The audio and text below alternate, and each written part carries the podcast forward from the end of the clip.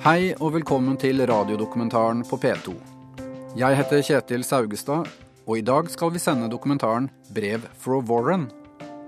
En amerikansk musiker forsvinner fra hytta han bor i på Aksnes i Hardanger. Og så begynner brevene å komme. Warren skriver til den vesle nabojenta Britt. Fra hun er fem år gammel til hun er 25, men da tar kontakten slutt. Hvem var han? Hvorfor forsvant han? Og hvorfor skrev han til henne? Nå vil programskaper Britt Aksnes finne svar. Musikken i programmet er laget av brevvennen Warren Karlstrøm. Da har jeg rigga meg til i stua mi. Jeg skal lese gjennom alle brevene. Jeg tenker at det kan bli noen timer, så jeg eh, har tatt fram en flaske vin. Fikk tross alt aldri tatt noe glass med Warren. Eh, så dette får bli en veldig forsinka skål. Skål, Warren. Og det er klart, det var jo spesielt. Vi syntes det var spesielt etter at våren var flytta, og at du fikk så mye kort og brev. Og... Men samtidig så las vi det nå og så at det var nå bare sånne koselige ting. Og han huset ting fra Aksnes, og at du var så sprellende levende, og, og aldri noe tull eller sånn. Ja. Jeg var vel rundt fire år cirka, og mamma eh, var nok sikkert med meg ned de første gangene, sjøl om de bodde jo nærme Jørstadhytta. Lå rett nedenfor gården der jeg var voksen opp, i Hardanger. Og vi tøysa og sang og lagde høyrespill. Aksnes sykehus og Og så var han ikke der lenger, da, plutselig. Og så kom det kort og brev helt ifra 1983 da, til ut på begynnelsen av 2000. Da hørte jeg ikke noe mer, og så var jeg inne på, på dataen på jobben. Og så kom det opp, da. Warren Carlstrom, 52, of Glen Cove, died suddenly on March 19, 2002. He was an accomplished musician, artist and poet. Memorial service at the Central Island Beach. Donations can be made to the Juvenile Diabetes Association.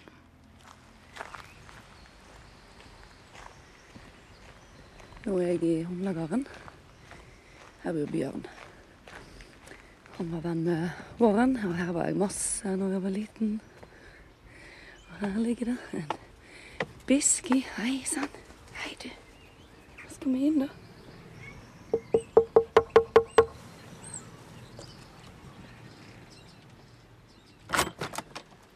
Hallo. Hei, Bjørn. Velkommen inn. Takk skal du ha. Han var jo fargerik vet du, og full av eh, fantasi og skapte sånne stemninger rundt seg. Han var jo veldig teatralsk.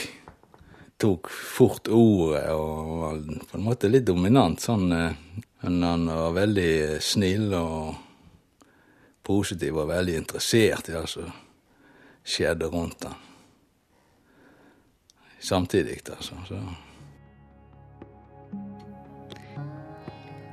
Siden jeg bare var en liten unge, så uh, ville de vel ikke fortelle meg hvorfor han forsvant. Veldig fargerik fyr, vet du. Helt uh, noe nytt for oss her på Aksnes. Ja, de flytta jo inn her eh, og kom med banjo og, og bluegrass-musikk og slo seg til ute i hytta da. Det ble jo så mye liv av det. Lange kvelder under bøkene her, og de spilte og sang. og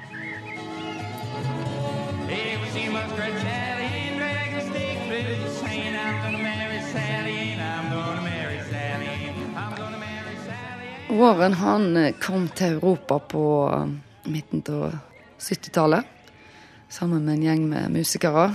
Han ene hadde fått seg dame i Haugesund, så ble det liksom Norge, da. Og der møtte jo òg Warren hun som skulle bli kona, da. Og så uh, flytta de inn i Jørstadhytta, da. på 80-tallet. Så jeg var jo helt fyr og flamme over han her eh, galne naboen min. Han var jo veldig glad i, i det i, eh, i unger. Så eh, han, han øste ikke voldsomt opp, husker jeg. og, så det var helt hysterisk til slutt. Det var så mye lott og løye. Jeg har bare ikke så mange sånne bilder sjøl, men jeg ser for meg en der han kommer ut oppe på Jørstadhytta. Kommer ut med en svær sånn vikinghjelm på hodet. Sikkert sett at det kom, da. vet du. Ja, ja. Skulle lage sirkus og show, da. det var det kjekkeste han visste. da. Og, eh, ja, ja.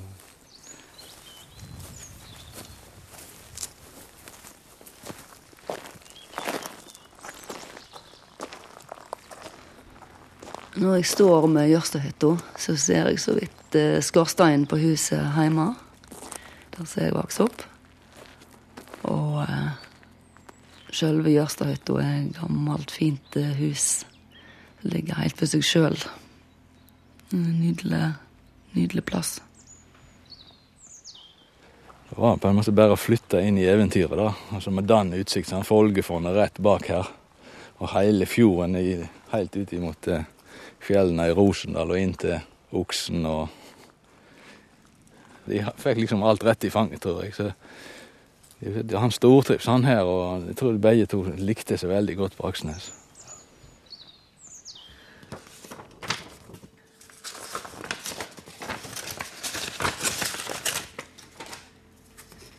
Jeg har spilt hver dag på et park med masse gøy som heter Tusenfryd, og har møtt masse barn og all slags folk.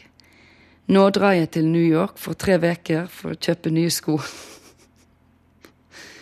Det må være fint på Aksnes nå, med mange fugler og, og vill blomster. Ok, Brit, my friend. Ha det riktig godt, og jeg sender deg et kort.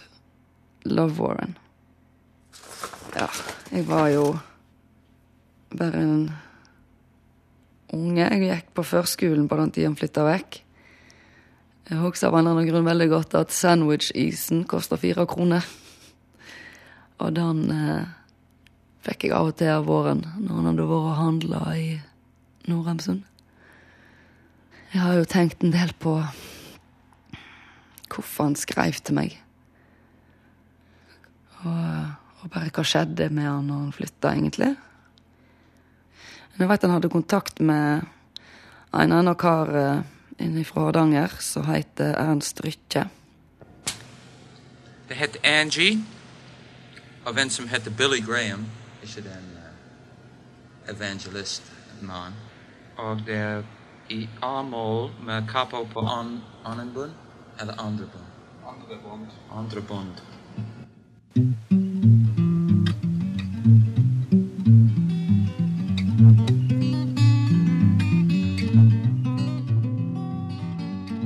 Ja da. Jeg hadde kontakt med han hele tida etter de flyttet. Så skal vi se Han flytta jo til, til Ulefoss først. Og så flytta han til Lommedalen. Da i det er vel Bærum, er det vel. Det, ja, som sagt, kjente han jo ikke. Nei da. Jeg traff han aldri igjen. Nei, nettopp. Men vi skrev jo så mye brev, så det er jo derfor jeg gjør dette her. Bare nå for å finne nesten ut hva var han for en person. Ja. Men vet jeg, og Lillemor hadde jo òg en del med han å gjøre, så hun- kanskje hun skulle komme inn. Ja, hun må gjerne komme opp, det Ja. var kjekt, da. Ja, bare vent litt. Lillemor, det er kona til Ernst. Eh, Han setter jo voldsomt høyt. Akkurat brevene fra deg var utrolig viktige for han òg, altså. Det syns han var veldig kjekk. Eh, Vetle Britt, var veldig stas når han fikk brev, og stas når han kunne sende brev. Du var på en måte en, en link her til òg, sant. Så jeg tror kanskje den som dømte seg mest, var vel gjerne han. Etter denne historien. Jeg fikk eh, faktisk et kort allerede mens han og kona fremdeles bodde på Aksnes. Nå hadde de vært tilbake til USA. Og så var det da helsing fra begge to. Og etter 1983 så var det bare Warren sitt navn som sto på bunnen av brevene.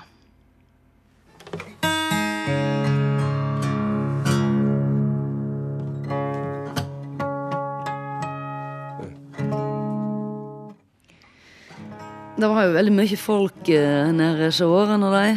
Og en av de, var eh, Jeff Wasserman han, eh, han bodde òg på Aksnes en god periode. Og de, eh, de hadde kjent hverandre helt siden 1972, vel. Ja, de var nå litt sånn hippie-typer, både Jeff og Warren, og så eh, Så reiste de sammen til Europa, da på midten av 70-tallet. Vi hadde en del regler. Liksom ingen skulle ta med seg uh, dama si. Ikke sant? Dette er en guttetur. Alle skulle altså stille opp med, med eh, minst 300 dollar, og ikke ta med seg dama si. To dager før vi reiser, så får jeg en telefon fra Warren som sier jeg har møtt en, en dame, og she's like a lake. She's like a lake? OK. Jeg snakker med alle de andre. De, sier at hvis det er OK med deg, da kan hun bli med. Men det viste seg at han hadde fortalt alle de andre det samme.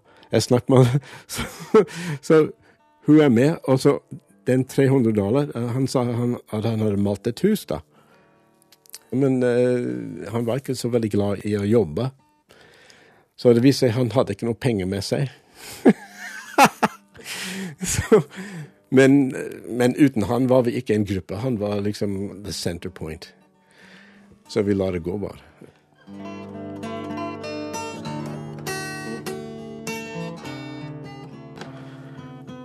Han hadde en utrolig fantasi, og han skapte en, en magisk verden rundt seg. Men det var en, en Det var jo en mørk side som begynte å vokse, sakte, men sikkert.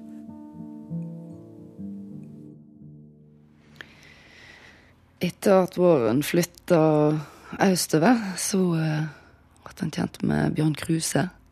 Han var senere professor på Norges musikkhøgskole.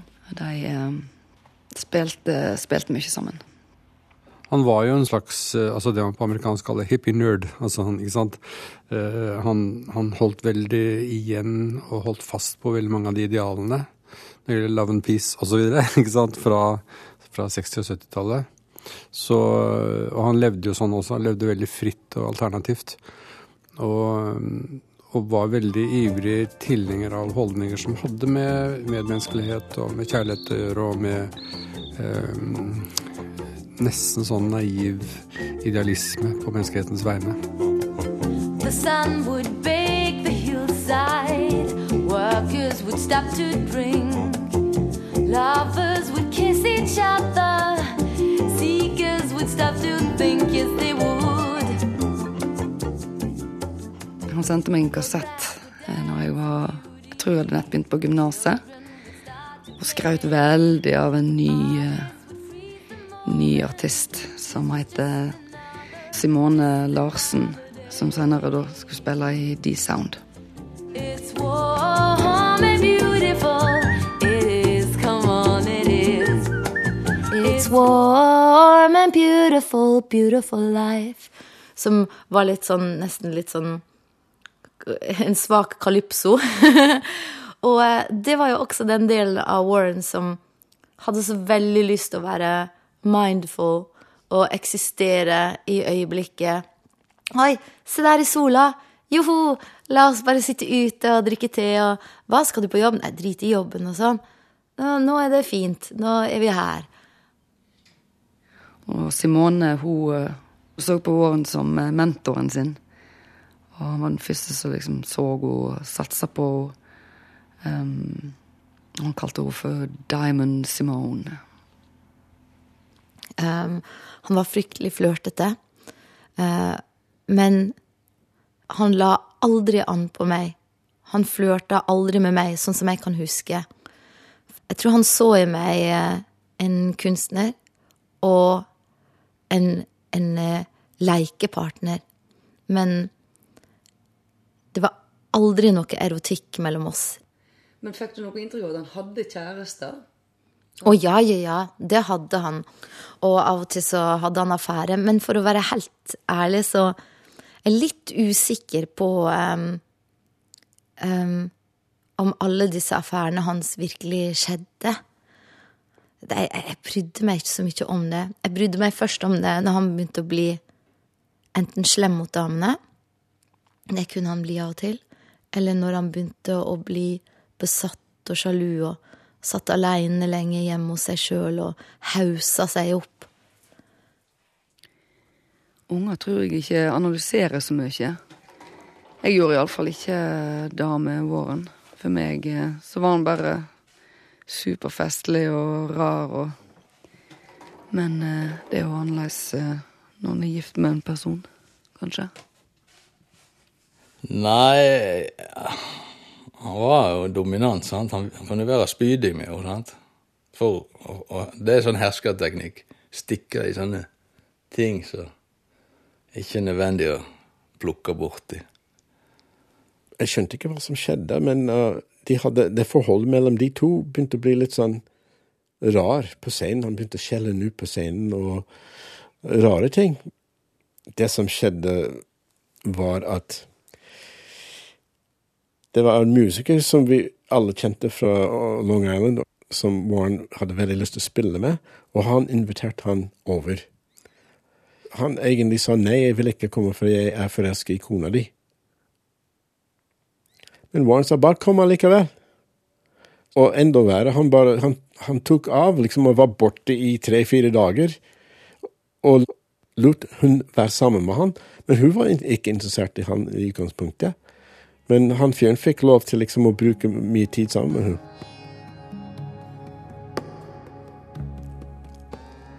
Hun fortalte uh, Warren at nå er det nok, nå, nå vil jeg skille meg fra deg. Og da ble det jo et kjempesjokk for ham. Han mista helt bakkekontakten. Totalt. Han ble galen. Og da da takla han ikke jeg.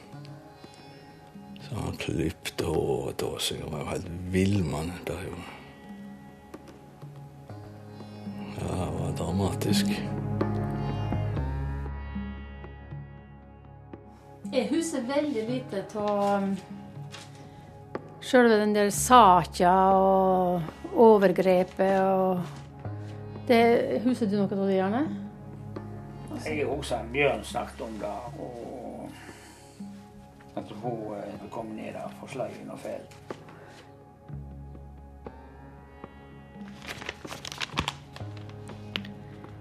Hordaland Folkeblad, 27. mai 1983. Dom for vold mot kona.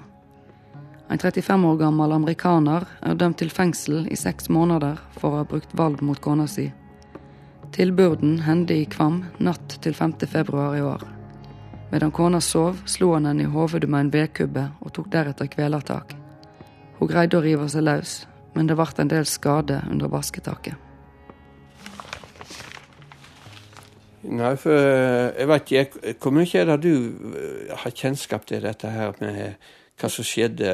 Vet, han ble jo arrestert, han. Rart nå når jeg ser eh, dette kortet, eksempel når han nett kommer ut fra fengselet, da. Ut fra datoen. Mm, Jeg håper at du har det riktig bra. Jeg savner deg og våre musikkstunder når du sang så fint. Jeg ville ønske deg og hele familien god jul og et meget bra og lykkelig nytt år. Jeg virkelig håper at en dag jeg kan komme og besøke Aksnes, denne praktfulle fjell, med vidunderlige mennesker.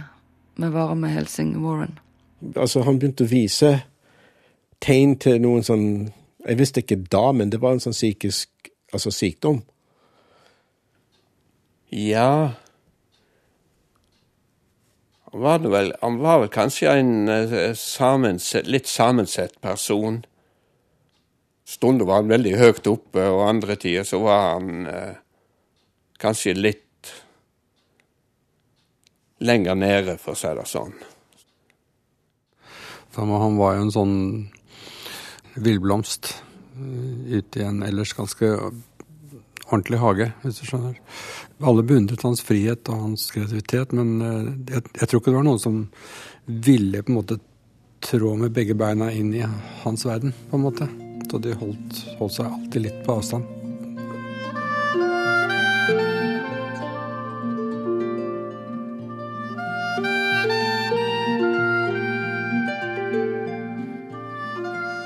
Mesteparten av tida etter Aksnes så bodde han i Lommedalen utenfor Oslo. Da spilte han og Bjørn Kruse annet sammen i Service for the Nervous. Uh, han snakket veldig mm, mye om ambisjonene. Altså at det at vi hadde spillejobb for kong Olav, liksom. Og det at han skulle spille for de og de, og var veldig opptatt av at Service for the Nervous skulle opptre i sånne prestisjesammenhenger. Penger var helt sekundært. Kan du si noe om han som musiker?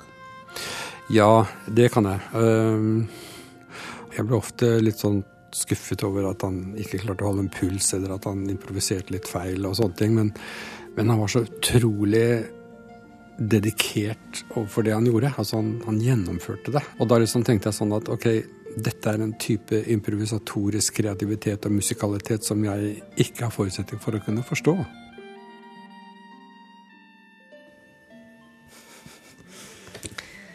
Foreign Warren. Siste årene så skriver han alltid med Foreign Warren bak på brevene òg. My gorgeous, super intelligent and lovely friend to the end, Brit. Hjertelig billioner thanks for a great letter. I think it's certainly one of my favorite of yours, and that say much because I love 'em all.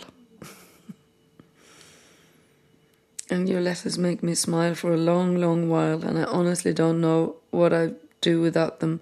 They are, you are so special, so incredibly, insanely special to me, It's often lost in a thick creative cloud that I myself design. Det var raseri, det var fortvilelse, det var ja, masse voldsomme følelser. Og for meg så virka han som en sånn hamster i et hjul som bare spant og spant og spant og spant. Må jo liksom lure på om han alltid har vært sånn, da. Eller eh, hvordan han vokste opp, og hvem han slekta på. Han eh, eh, Han skriver blant annet My brothers and sisters are all doing so well in the material world, with big houses, swimming pools, country clubs, fancy cars, and so on, that I seem like a bum or something. Han eh, nevner jo ofte familien og broren en Eric opptil flere ganger. hvordan er de i forhold til hverandre? Altså, Likner de Nei. Jeg vet ikke, Erik lurer på om han jobber i noe forsikringsgreier, gjorde, og eh, ikke var de lik hverandre å se til, eller, og, og, og korkje i sinn eller skinn, for å si det sånn.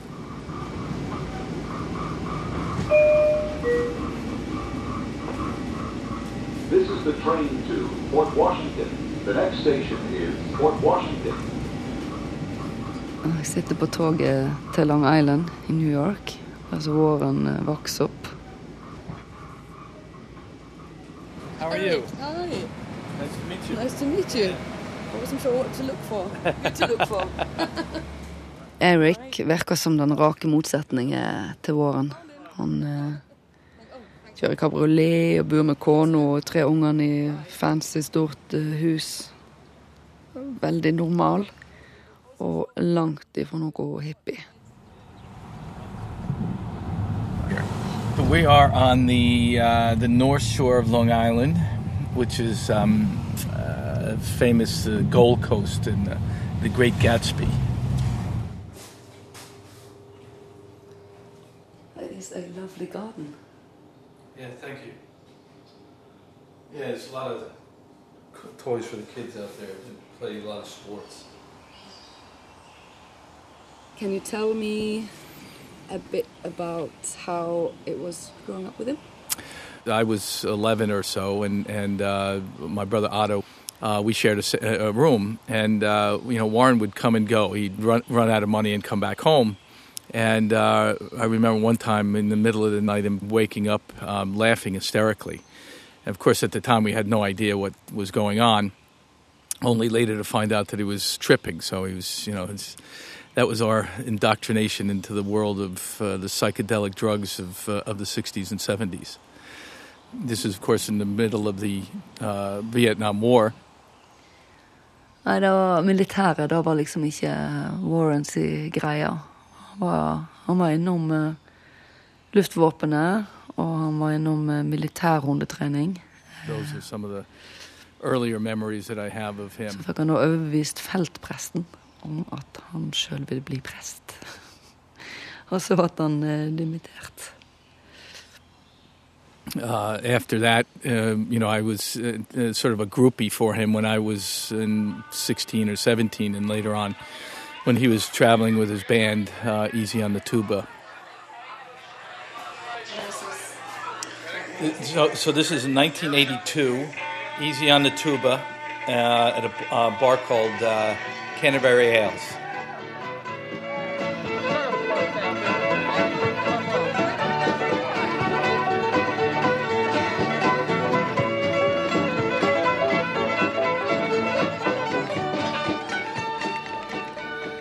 Var jo en av de som spilte i, eh, i Sunny Tuba, Kevin Eggy. Han, eh, han bor eh, i, ja, nordover i staten New York. Og de har kjent hverandre siden de begynte på St. Mary's High School. Og det var jo på midten av 60-tallet. Great. when I was 15 years old, um, there came Warren, and he was immediately noticeable. And um, I do believe that I found out very quickly that he was learning how to play guitar, as I was. So we bonded right away. A large part of our relationship had to do with um, substances, you know, funny substances. We used to go up to New Hampshire and go climbing. We would go up to these uh, campsites and set up a pup tent, and we'd go in there. We'd smoke pot until we passed out at 5,000 feet. and before each bowl went up, Warren would go, round 26, you know, and we'd light up another bowl. We were just gone. Det hadde nok et litt mer lempelig forhold til rusmiddel og narkotika på den tida. Og Eric òg var jo vane med bror sin, sin begeistring for forskjellige stoff. Uh, you know, I I think it was it was probably very hard to stay out of it. Um, the influence of uh, the drugs and uh, uh, just the rebellion, um, and and it wasn't just the Vietnam War. Even before, Warren was different. He always had a bad uh, temper, and he would just flip at the smallest things, and and really snap. And um, there were times when you know it got so loud and violent, uh, the cops would had had to be called to you know calm them down. Alt han skriver i brevene tyder jo på at han var jo totalt pasifist og ekte fredselskende hippie. Så det er jo et eller annet motsetningsfullt. Han bodde jo Våren, han bodde jo ei stund hos Ernst og lillemor inne i Hardanger, da, rett etter, rett etter fengselet, og fikk jeg altså en e-post e-post fra Ernst der han skriver at eh, det var et par ting jeg ikke klarte å fortelle deg i går da du var her. Den tida da han bodde hos oss, prøvde han å ta sitt eget liv med å kutte pulsårene i håndleddet med barberblad. Dette var en traumatisk opplevelse for oss, og heldigvis gikk det bra. Det siste året, eller det siste året før han dro til Afrika, som var begynnelsen på slutten, um, da var han jo helt Da hadde han en blanding mellom midtlivskrise og, eh, og kjærlighetssorg. Et eller annet begynte å skje med han. Han begynte å bli opptatt av en jente som var Kanskje hun var 18-19, og han var allerede begynte å nærme seg 40, noe sånt.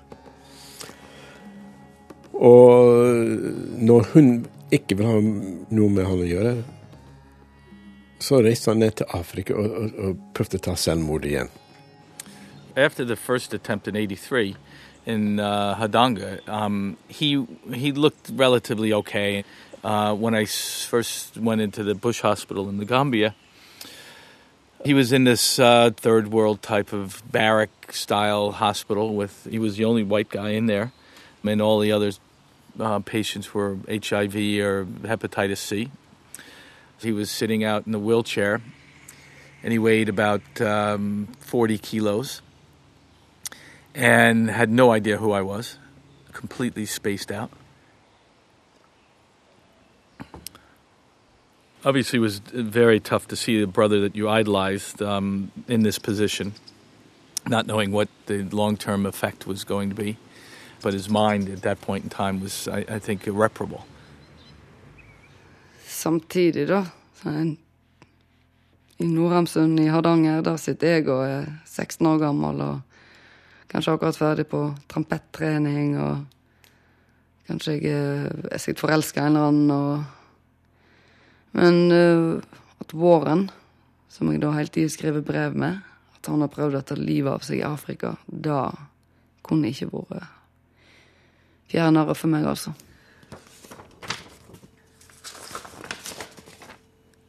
Kjære Britt, it's been a long time since I've taken the time to write to you. And before I start having dårlig samvittighet, I thought I'd sit down and send some funny smiling words to my friend who lives in the most beautiful spot I've ever seen. Jeg håper at alt står bare flott med deg. Du har blitt så stor nå at jeg sikkert kunne aldri kjenne deg igjen. With many fine feelings, your friend Warren.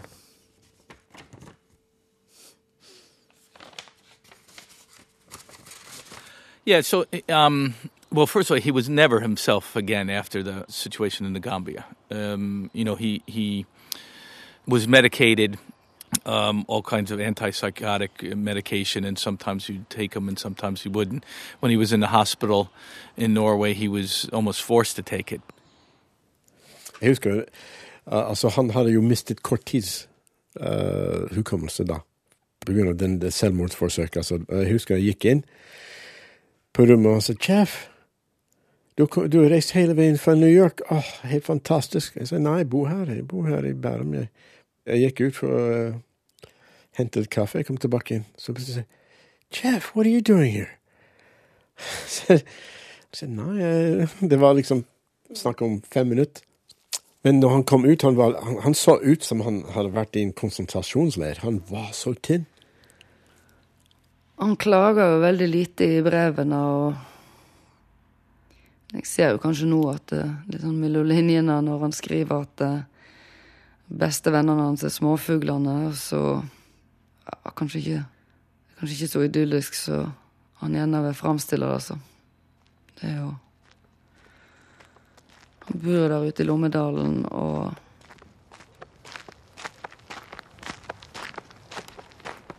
der ligger jo et lite hus som det står nummer 20 på.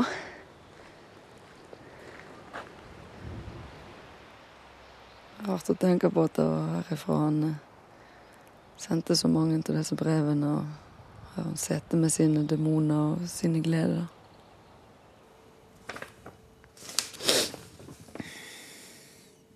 Right out in front of my house, there are six horses and six sheep giving the country flavor, even though Lommedalen is only 20 minutes to Majorstuen in Oslo. Han var litt bitter. Den kommer fram en, enkelte ganger at han var bitter. Isolerte seg og bodde altså Det jeg kjente han, så bodde han ute i Lommedalen. Eh, og eh, ja, han levde veldig spartansk.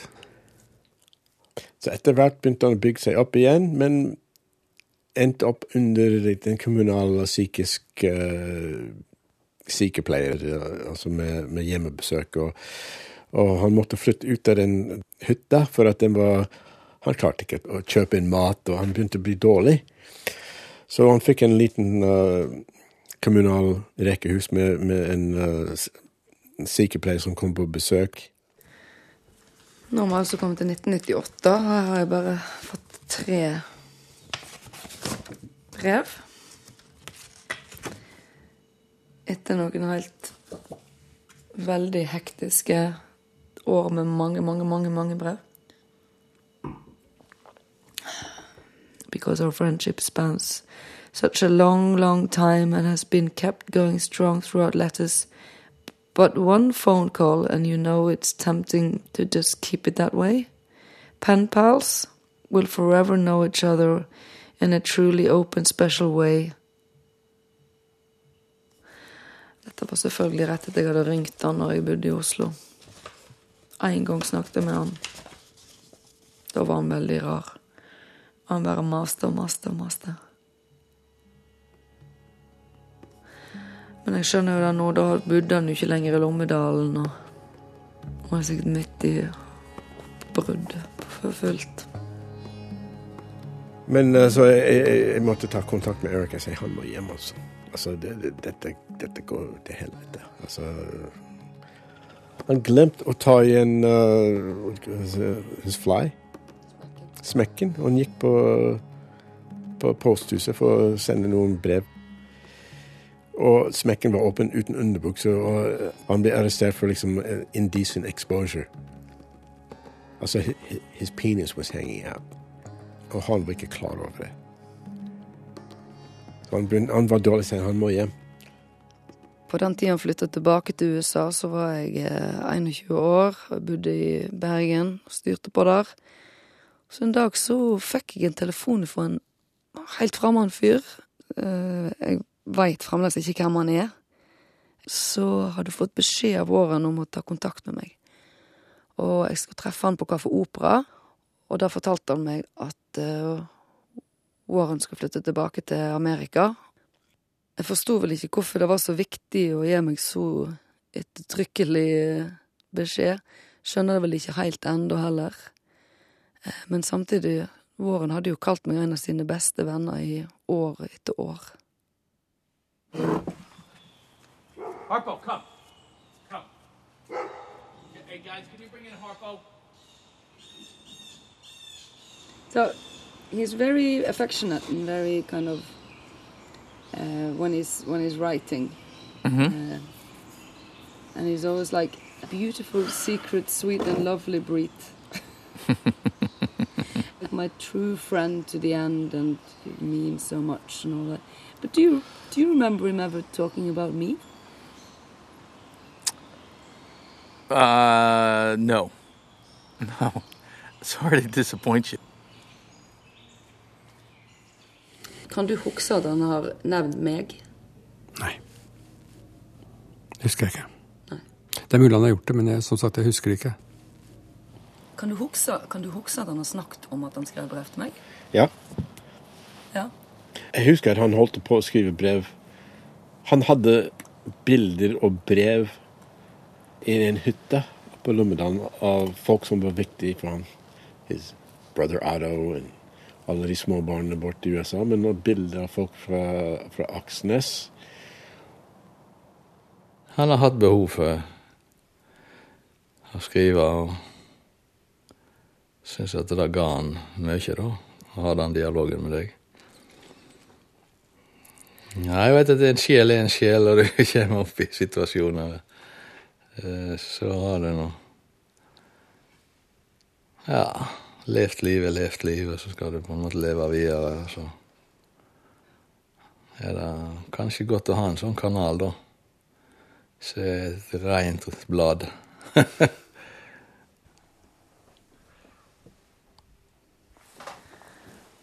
Så det er et kort sendt ifra Long Island 17. Desember 2001. Dear, dear Breed, thank you so much for your letter which I received today. Hearing from you is always a grand joy. You shall grow like a wild flower, dear one. I have met a lot of folks in my travels around the world, and some of them are pure gold, and you happily rest on top of the list. Each time I think of you, I get an automatic, free, bright smile. I'll write soon. Lots of love, Warren. Siste gang jeg så han. Vi møttes nede på, på stranda. da. Han hadde mistet alle tennene. Og hadde jo mistet jobben, og han sa, han sa det er ingen damer som vil være sammen med meg noe mer. Jeg spiller ikke noe musikk. Det er ikke noe grunn til å leve. Jeg sa det, there's always a new tune coming. Uh, ja. Så jeg, når jeg var hjemme igjen, så ringte han meg og sa nei, jeg kommer til å ta livet av meg. Jeg sa Warren, come on, det er en ting som er sikkert. Forandring. Nei, men jeg vil ikke ta medisin noe mer. Jeg, jeg, ser ikke ut. Jeg kan ikke spille musikk. Og, og jeg har psykose. Jeg har stemmer i huet mitt, og han var 100% ærlig. Jeg kom til å reise ned til um, Bonaire og ta livet mitt. Jeg får jo et kort ifra Bonaire. Ifra Antillene. Det er altså nede i Karibien. Og det er veldig grønn og øy med svært fossefall på kortet. Uh, I was on a business trip in Chicago and got the call that um, he, they they went in and found him and he was dead in the in the bathroom. So, so I had to go down um, and um, identify the body, which at that time was in the, the morgue. And at that time he was three days um, dead. So obviously not a pretty sight.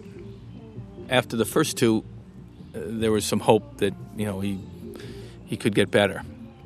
Uh, obviously, after the third time, there was no hope. So the, the finality of it all was it was tough.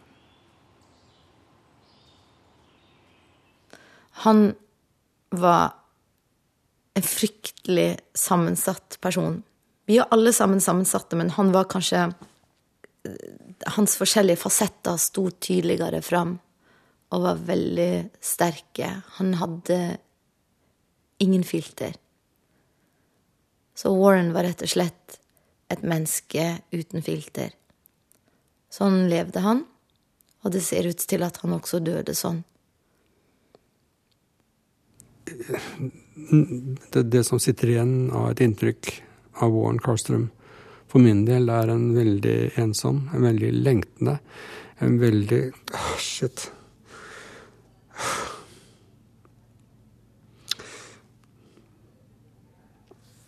Han eh, Han ville gjerne ha kjærlighet. Det er det. det, er det.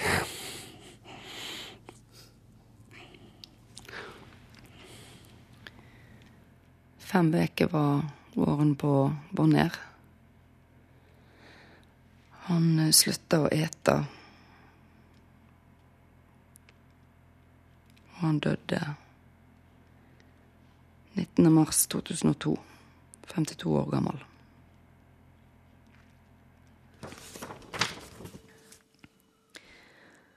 Igjen så er skriftet ganske rotete her. Og det er sendt ifra Bon Air. Dearest Breed, I know I owe you a letter, but now I'm on an amazing island in the South Caribbean where the ocean temperature is 34 degrees with lots of incredible tropical fish. I needed to get away from stressed out New York, so I'm here for a while. It's a very unique tropical place.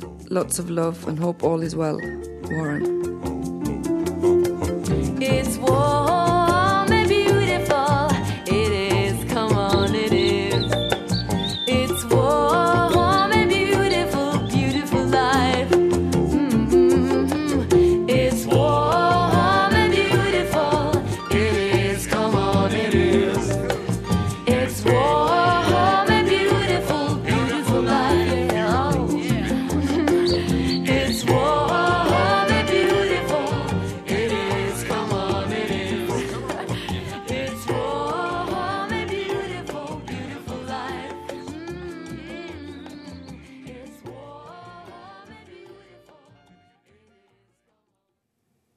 har sendt radiodokumentaren Brev for Warren av Brit Aksnes.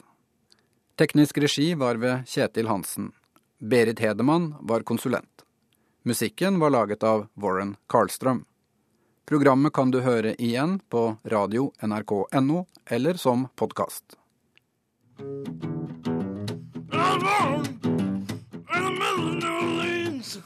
Neste uke skal det handle om penga eller livet. Vi treffer Ola idet han er i ferd med å arve tre millioner kroner, men kravet er at pengene må brukes til å kjøpe en leilighet, for Ola er narkoman. Ja. Jeg har liksom ikke lyst til å gå og se på leiligheter før jeg har pengene på bok. skjønner. Jeg skal stå der og være mannen, ikke det, mannen, ikke sant. Det gjør best inntrykk også på, på megler og selgere og